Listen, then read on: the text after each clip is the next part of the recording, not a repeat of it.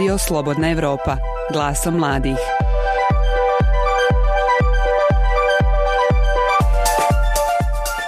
Tako je, kod nas su djeca pametna i zdrava, jer su skontali da je droga loša. Zato se oni zabavljaju uz šišu. Šiša, šiša, šiša, šiša, šiša, Zvuči li vam ovo obraćanje kao realnost ili kao zabava?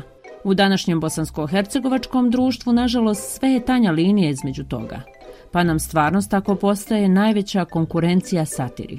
Ipak, ovo je samo dijelić video serijala Stručni štab iza kojeg stoji satirični portal šatro.info, uprkos tome što su epizode snimljene prije dvije godine, aktuelnost naše stvarnosti ne prestaje šokirati i zasmijavati sve koji prate rad satiričara u Bosni i Hercegovini. Satira koja zaista ima velikog efekta, barem kod onoga sloja ljudi koji se nazivaju intelektualci. Jer ne može svako da shvati tu satiru. Dešavalo mi se par puta da, da nekada ja ostavim neki sarkastični, satirični komentar na neku takvu vijest. I onda bi neki ljudi, moji prijatelji, vidjeli da im je to izbacilo kao obavijest na Facebooku, da sam ja komentarisao nešto i onda bi on pogledao tu vijest i onda bi meni kasnije govorili pa je li moguće da se ono dešava, kako je to moguće. Dakle, ne razumije svako satiru. Ovako, 26-godišnji zeničanin Edin Selimović, profesor historije po zanimanju i pratilac satiričnog portala šatro.info, vidi reakciju većine publike na satirične vijesti.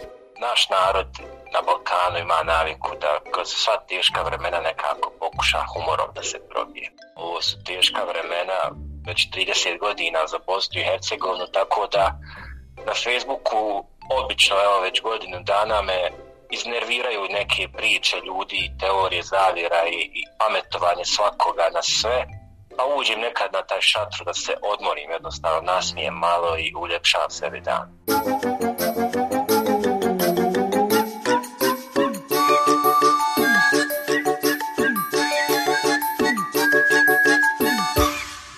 Želju za konkretnom kritikom stanja u društvu kroz humor imao je osnivač i urednik portala šatro.info Haris Dedović.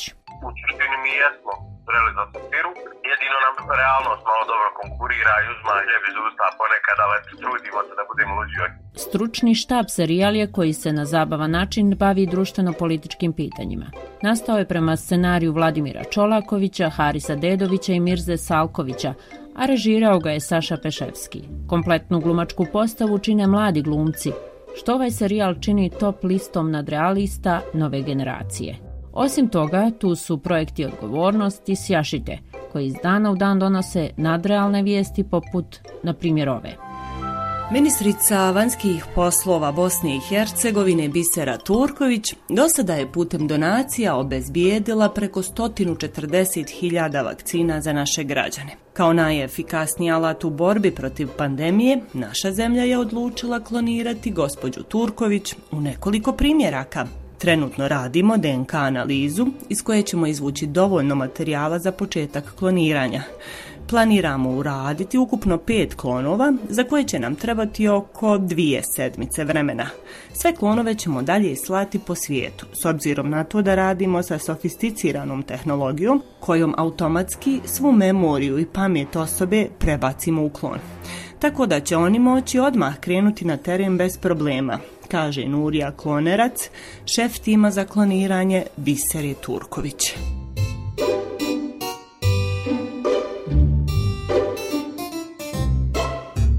Ključ njihovog uspjeha, smatra režiser serijala, stručni štab Saša Peševski, je upravo u ovome.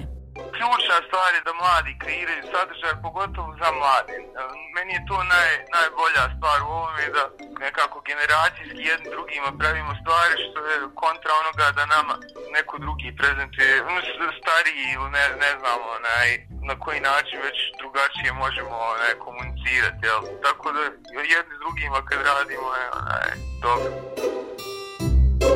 O tome koliko je satira važna kao društvena kritika, ali i koliko slobode ima za istu u BiH, govorimo u novoj epizodi podcasta Glasom mladih. Sa vama su Sara Velaga i Aida Đugum. Ostanite sa nama i zapamtite, nemojte vjerovati svemu što čujete u ovoj emisiji, jer možda smo se samo zezali sa vama. Slušate Glasom mladih.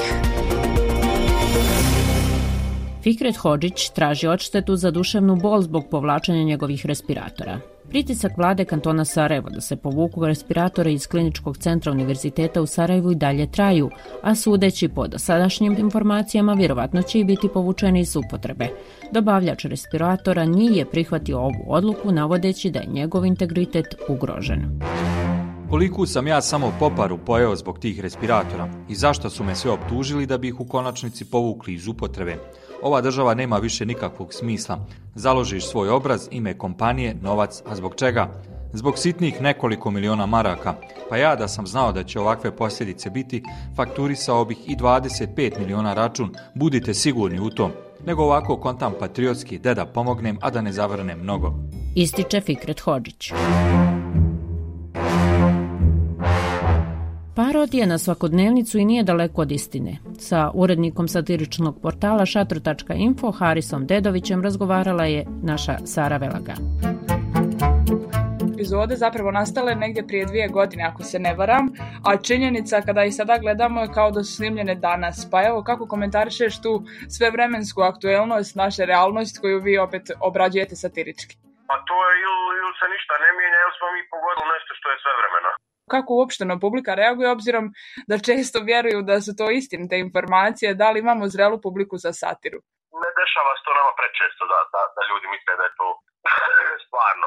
Dobro. Većina naše publike u stvari zna šta prati i zna zašto to čita i oni u suštini žele taj kreativni izrečaj, e, čekaju našu reakciju na svakodnevne događaje, tako da, da u suštini mi jesmo zreli za satiru, jedino nam realnost malo dobro konkurira i uzma hljeb iz usta ponekad, ali trudimo se da budemo luđi od Jeste, to, to znam da si često spominjao i poentirao i eto negdje nažalost jeste tako. Osim toga imali ste i vrlo dobre kampanje koje su i dalje jeli, u toku, među njima i odgovornost i sjašite, pa evo možemo se malo osvrnuti šta su bili najveći domeci te kampanje i kako si zadovoljan realizovanim.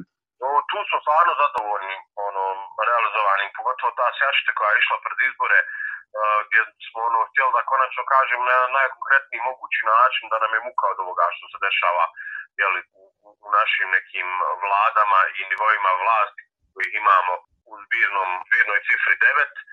Jednostavno smo željeli da pokušamo da kažemo da to više ne želimo, da gledamo, da, da hoćemo neke promjene i one su evo i desile. Sad samo treba da pratimo jel, te promjene koje smo, kojima smo doprinijeli, da vidimo sad još jače da ih pratimo nego ove prije. A odgovornost je kampanja koja se nastavlja na tu kampanju gdje mi sada zaista zahtjevamo odgovornost od svih nivoa vlasti za sva najbitnija pitanja koja nas muče um, i u sklopu odgovornosti imamo i obrazovni program mladih, znači odgovornosti koji je malo manje, hajde da kažemo, propraćen od ovih drugih stvari jer su one malo interesantnije, ali i dalje jako smo ponosni na taj dio našeg angažmana jer obrazujemo mlade ljude o političkom sistemu Bosne i Hercegovine kako bi ga oni sutra mogli mijenjati na bolje.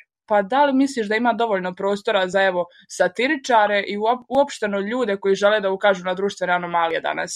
Ma ja mislim da ima. Um, pitanje želje, volje, pitanje načina. Um, jednostavno mi još uvijek živimo, ne, ne garantujem da će to tako ostati, ali još uvijek živimo u makar ono nominalno slobodnom društvu gdje ako želimo, ako e, damo sebi dovoljno slobode sami neke, znači da to nisu ono moram platiti struju račune djeca, nebitno roditelji, da možemo, ja to volim reći lajati, da možemo biti vlasnik. Samo je pitanje uvijek naravno ovih svi ostalih stvari, e, neke, hajde da kažemo, hrabrosti i želje, volje, znanje na kraju krajeva, neki ljudi bi nešto i rekli, ali ne znaju i tako dalje. Tako da mislim da mi još uvijek, hvala Bogu, živimo u dovoljno slobodnom društvu da možemo ukoliko hoćemo. E sad to što mnogo ljudi neće, to je sasvim druga, drugi par opanaka, kako kaže. Jasno. I evo u samom kraju ovog razgovora voljela bih da ti postavim pitanje koja je cijena slobode i da li si za, ikada suočio sa pritiscima radi rada koji je evo na Šatro Info i kroz ove posljednje kampanje i videe. Pa jesam, sto puta sam se ono, suočio sa nekim stvarima. Cijena slobode nije jeftina, cijena slobode je da, ne znam, ja ne, ne, na nekim mjestima sigurno ne bi dobro prošao, na nekim mjestima me ljudi rado diskriminirali čim bi mogli od nekog zaposlenja danas ako nije to ovo što sada radim i tako dalje. I to je cijena koju sam ja, mislim suština je samo biti spreman, biti svjestan te cijene i ako se ide u, u to, uh, biti spreman platiti cijenu jer ne mogu ja sad eto da budem taj neki, hajde da kažemo, idejni tvorac, urednik Šatro Info, a da ipak ne platim neku cijenu, to nema, to, to, to je neprirodno, ne možete voziti auto bez goriva, jel?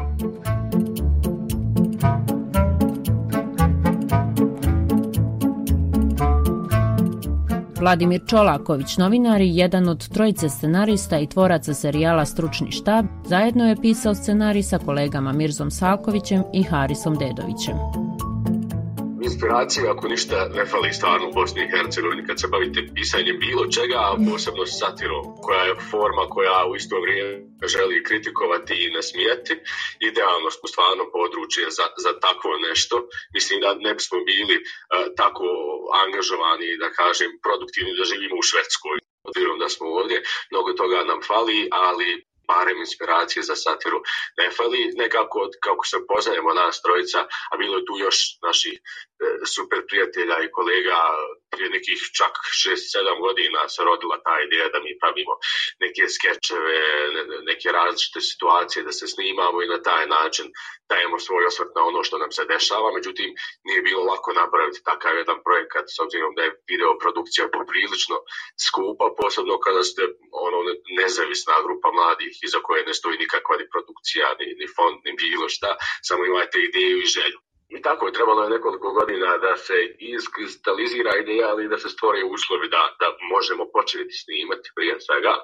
I, I prije neke sad već mislim više od dvije godine smo nas trojica sjeli Mirza Haris i ja ljuti na sebe što nismo ranije ovaj, rekli hajmo sada početi. U tom trenutku ništa nismo znali o tome, nismo pisali scenariju s obzirom da smo novinari prije svega. E, pronašli neku literaturu, kako pisati e, i slično naravno prije toga pogledali dosta sličnog sadržaja i prirodno smo ono e, odrastali na stvarima kao što je top lista nadrealista, gledali, voljeli, još uvijek volimo Monty Python, učke i te neke stvari posebno što se mene tiče taj britanski humor koji je na neki način i brutalan, uvijek kritikuje nekoga ili nešto i, i vrlo je specifičan i mislim vrlo blizak našem balkanskom, možda mnogo bliži nego američki koji je malo više soft i, i politički korektan. E, tako da negdje naslonjeni na te naše uzore smo i, i kreirali našu formu koja je negdje slična opet dovoljno različita i nekako moderna i u skladu sa našom generacijom i to nam je bio prvenstveni cilj da damo glas naše generacije sjajne su reakcije. Mi nekako nismo imali prevelika očekivanja jer nam je to prvi put ne možemo očekivati da ćemo biti na nekom e, nivou klasika koje smo imali i mi mogli gledati, ali smo želeli da pokušamo i da to objavimo. Reakcije su iznenađujuće pozitivne i mladih nama bližih generacija, ali i iskusnih ljudi koji su gledali i na realnost i neke druge stvari. Svima se svidjela ideja poruka i aktuelno i dalje to što smo pisali, snimali prije dvije godine i tekako aktuelno danas. E, plan je da za sada snimimo još šest epizoda jer imamo finansijsku konstrukciju za toliko.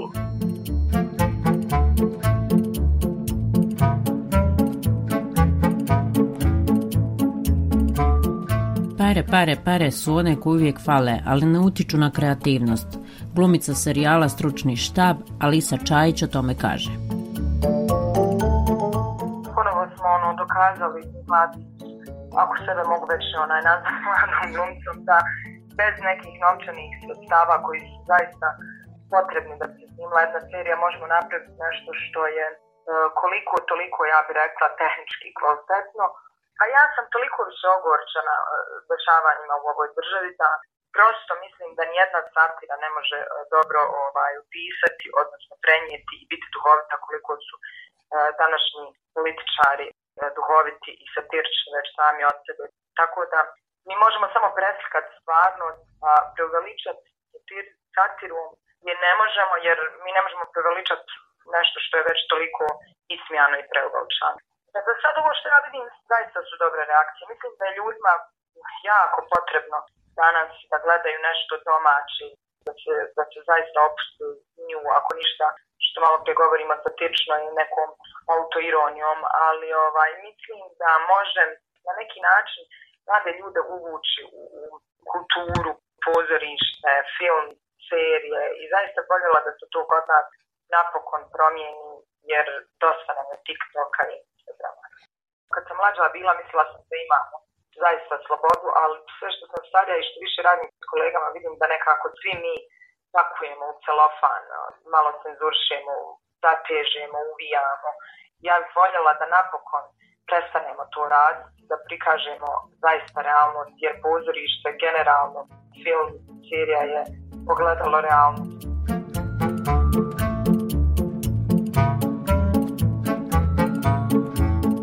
I Alisin kolega Emir Fejzić, koji glumi načelnika, smatra da ima pregršt materijala koje realnost stalno nameće, sama od sebe. I kako je osjećati se u koži načelnika? pa to je, a, to je stvarno zanimljiv i taj se lik nekako ono, izdvojio, malo je upečatljiv, vjerovatno zato što smo bombardovani političkim, zapravo ono, licima iz politike, pa onaj, pa to negdje poistovjećujemo sa tim likom, mislim što je i bio e, naum s razlogom. Šta znam, mislim, ne znam, ne znam šta, šta da mislim o tom liku. Nije ga teško dočarati. Pa nije teško, nije teško, ali ono, sam ne znam e, sa sobom kako da zapravo formiram mišljenje o, o svemu što se dešava u našoj zemlji, a i o tome kako zapravo to što se dešava prebaciti u neku satiru ili ismijavati ili ono, zezati se s time. Eto, nisam ja sam siguran da li je to, zato što nekako mislim da je satira naša svakodnevnica i onda često se ono pitam jel, jel uopšte ima smisla raditi to kad mi to živimo. Šta mislite koliko to utiče na evo, mlade ljude, da formiraju neko svoje mišljenje, da formiraju svoje kritičko mišljenje o onome što se dešava u društvu? S obzirom da obrazovanje ne nudi baš toliko ni sadržaja, ni načina da, da oni e, sami počnu da, da, da, tako kažem, sabiraju dva plus dva, da, da bi se mogle neke stvari posložiti i onda da i budu aktivniji u, u, u društvu. Da, pa ja ne znam, mislim da, mislim da su mladi zbunjeni. Ako, ako govorimo o generaciji do, do 40 godina, mislim da su svi, sve te generacije jako zbunjene. Ne znam kako je došlo do te zbunjenosti, ali ja negdje mogu gledati kroz svoju prizmu uh, i odrastanja i bivanja u Bosni i Hercegovini uopšte. Odrastati u Bosni i Hercegovini je vrlo konfuzno i vrlo je, ne znam nija, uh, zato što pravo puno ima struja koje nameću svoje mišljenje i koje kažu mi smo u pravu.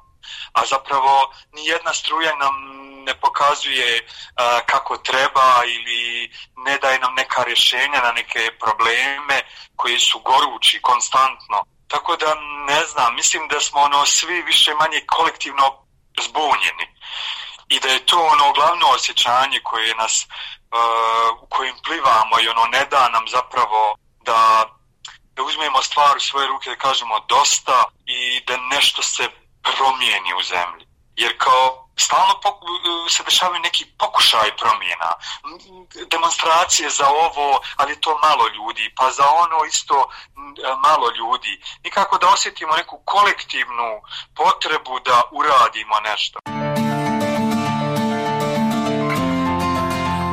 Slušate podcast Glaso mladih. Prethodne epizode pronađite na slobodnaevropa.org ili na Google i Apple podcast aplikacijama. Još se me glava boli, Allahu dragi. Lave, ja opet ništa nisam uradio. Ovo mi je treći put sedmic da prespavam čita Boži dan. A ima zike da batali cugu i lagano. Ovo više niđe ne vodi, brat, fakat. Evo ga i ovaj. Alo, Jesse Gogara, Evo mi sjeli već rane. Ovaj pobjegao s posla ranije, Nisam. a ja nisam ništa opet radio. Opet, ja. Justi, ko tamo šta pojest pa da te čekamo, a? Ajde. Mogli smo fakat nešto pojesti, to je odlična ideja. Ima ovaj novi food outlet možda. Food outlet? Ja, ja, prolazim ja neki dan otvorenje, novinari, folov, golov, ludilo.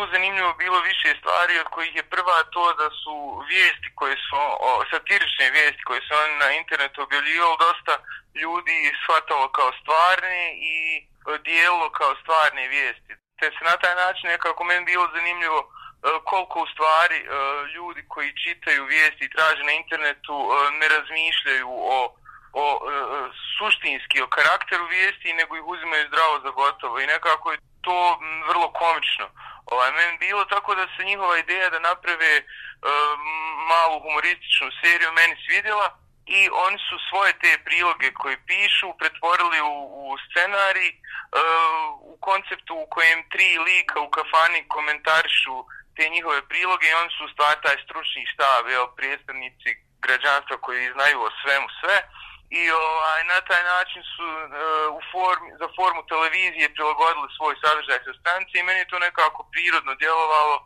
i, ovaj, i svidjela mi se ta vrsta humora tako da smo ovaj, sarađivali na tome. Tako cijeli serijal vidi režiser Saša Peševski, a Slobodan Blagovčanin, omladinski aktivista, projekt menadžer i PR Omladinskog resurnog centra Tuzla, te koordinator KAT inicijative, sarađivao je sa šatro.info. Za podcast Glaso mladi govori o tome. Saradnja naša, našeg omladinskog resurnog centra Tuzla sa Šatro Info počela je i prije kampanje smijem da kažem, i i prije kampanje odgovornosti, to na način da a, kad smo bili na nekim svojim početcima, tražili smo partnere u Bosni i Hercegovini koji a, putem a, online sredstava, jel, putem društvenih mreža, utiču na javnost, odašilju svoje poruke, jel, koji su ovako malo glasniji, hrabri, jer nekako željeli smo da da i mi budemo, jel, ako mogu tako da kažem, e, da i mi budemo takvi, da, da se ne libimo da kažemo ono što mislimo. I negdje na početcima samim šatru nam je zapao za oko, prije svega jer smo ga privatno ovaj, pratili i nismo imali pojma ni ko stoji iza portala, ni da li su ti ljudi uopšte u Bosni i Hercegovini. Ništa, ništa, ništa i onda preko jednog od poznanika iz civilnog sektora uspjeli smo jel, da dođemo do, do, do vlasnika portala Šatro i onako rekao bi stidljivo ovaj, da smo poslali upit uh, da li bi oni bili zainteresovani za neki vid memoranduma zajedničkog da potpišemo u smislu da možemo da prenosimo njihove vijesti, da ih odašiljemo ovaj, dalje među mladi u Bosni i Hercegovini i ovaj, što je mene onako prijatno iznenadilo, bukvalno ne znam, nakon dva reda poruka ovaj, vlasnik jel, i glavni urednik portala Haris. Rekao je, ma da, u redu je, nema problema, ovaj, šta treba potpisati, šta, kako, slobodno ovaj, prenosite vijesti, ako hoćete potpišite, ako nećete, ne morate.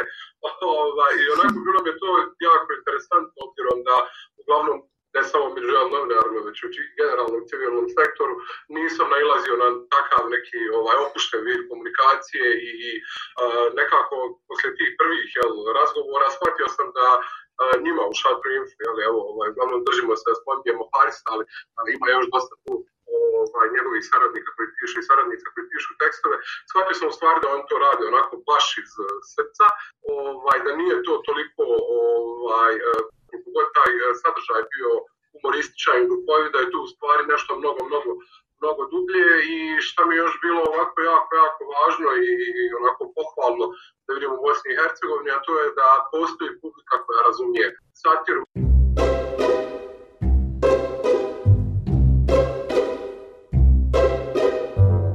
S obzirom na to da su benzinske pumpe trenutno jedino mjesto okupljanja mladih ljudi, mi smo se odlučili malo modifikovati svoje usluge kako bi građanima pružili barem neku vrstu entertainmenta.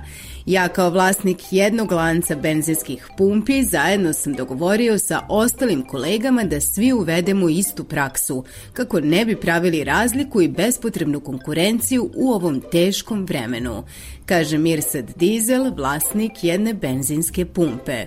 Pumpađije su prilagodile prilaze pumpama kako bi mogli postaviti bine za nastupe, a od ovog vikenda će na svakoj pumpi biti svirka petkom i subotom na večer. I zaista, slušajući ove vijesti, ne možemo da se ne zapitamo. Je li nam stvarnost najveća konkurencija satir ili možemo li više razlučiti jasnu razliku među njima? Šta o tome svemu kaže psiholog Srđan Puhalo koji sam tvita uglavnom satirične sadržaje? Pošto nas život i naša svakodnevnica satiru već 20-30 godina prosto satira, cinizam, humor je nešto što može biti jedan vrlo dobar odgovor na sve to. E, dogod uspijevamo da se šalimo na našim problemima, to znači da negdje držimo, čini mi se stvari pod kontrolom, barem što se nas tiče individualno. Uh, I da kažem, e, e, e, možemo da se nosimo sa svom tom našom svakodnevnicom na jedan dobar i konstruktivan način. Tako da, da, da, da je to negdje jedan, ajde kažem, veoma, veoma dobar način da se nosite sa, sa tim e, problemima. Naravno, problem je u tome što ako sve postane satira, onda se postavlja pitanje ima li tome kraja, odnosno da li sistem će dozvoliti i u kojoj mjeri da ta satira ide. Pogledajte medijsku scenu u Bosni i Hercegovini, nemate, ja nisam upratio, na televiziji, na javnom servisu, na televizijama lokalnim, sa nacionalnom frekvencijom, nemate humorističkih emisija. Što znači dvije stvari. S jedne strane, da je humor negdje pod, ipak pod kontrolom sistema i da su oni plaši humora, a s druge strane da je on negdje skrajnut iz, iz tog nekog mainstream okruženja gdje može biti opasan kao nešto što je što ismijava postojeće stanje samim tim i i, i, i, i, vlasti, i elite, i, i, i, i mnoge učesnike u ovome društvu. I, i, I to je nešto što čini mi se nismo imali ni u najgorim vremenima e, domaćeg e, socijalizma. E, ono što je tu veoma važno je da mi, bojim se danas, negdje više ne možemo da razaznamo šta je realnost, a šta je satira, odnosno šala, da smo došli u jednu, da živimo u jednom takvom društvu gdje, gdje je veoma teško razaznati, gdje u stvari svaki dan 1. april. I evo ako pogledate sada posljednji 1. april, ja nisam bio u stanju da razlučim šta je e, šaljiva vijest, šta je e, izvišljena vijest, a šta je e, surova, surova realnost.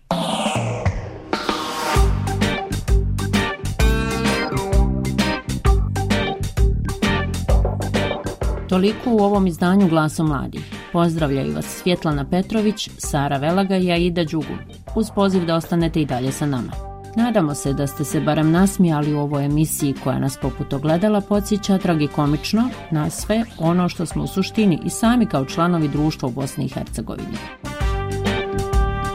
Ukoliko ste propustili prethodne epizode našeg podcasta, možete ih pronaći na našem sajtu ili na podcast aplikacijama. Naše druge sadržaje također možete naći na slobodnaevropa.org, na društvenim mrežama, Facebooku, Twitteru, Instagramu i YouTubeu. Sa vama smo i naredne sedmice. Do slušanja.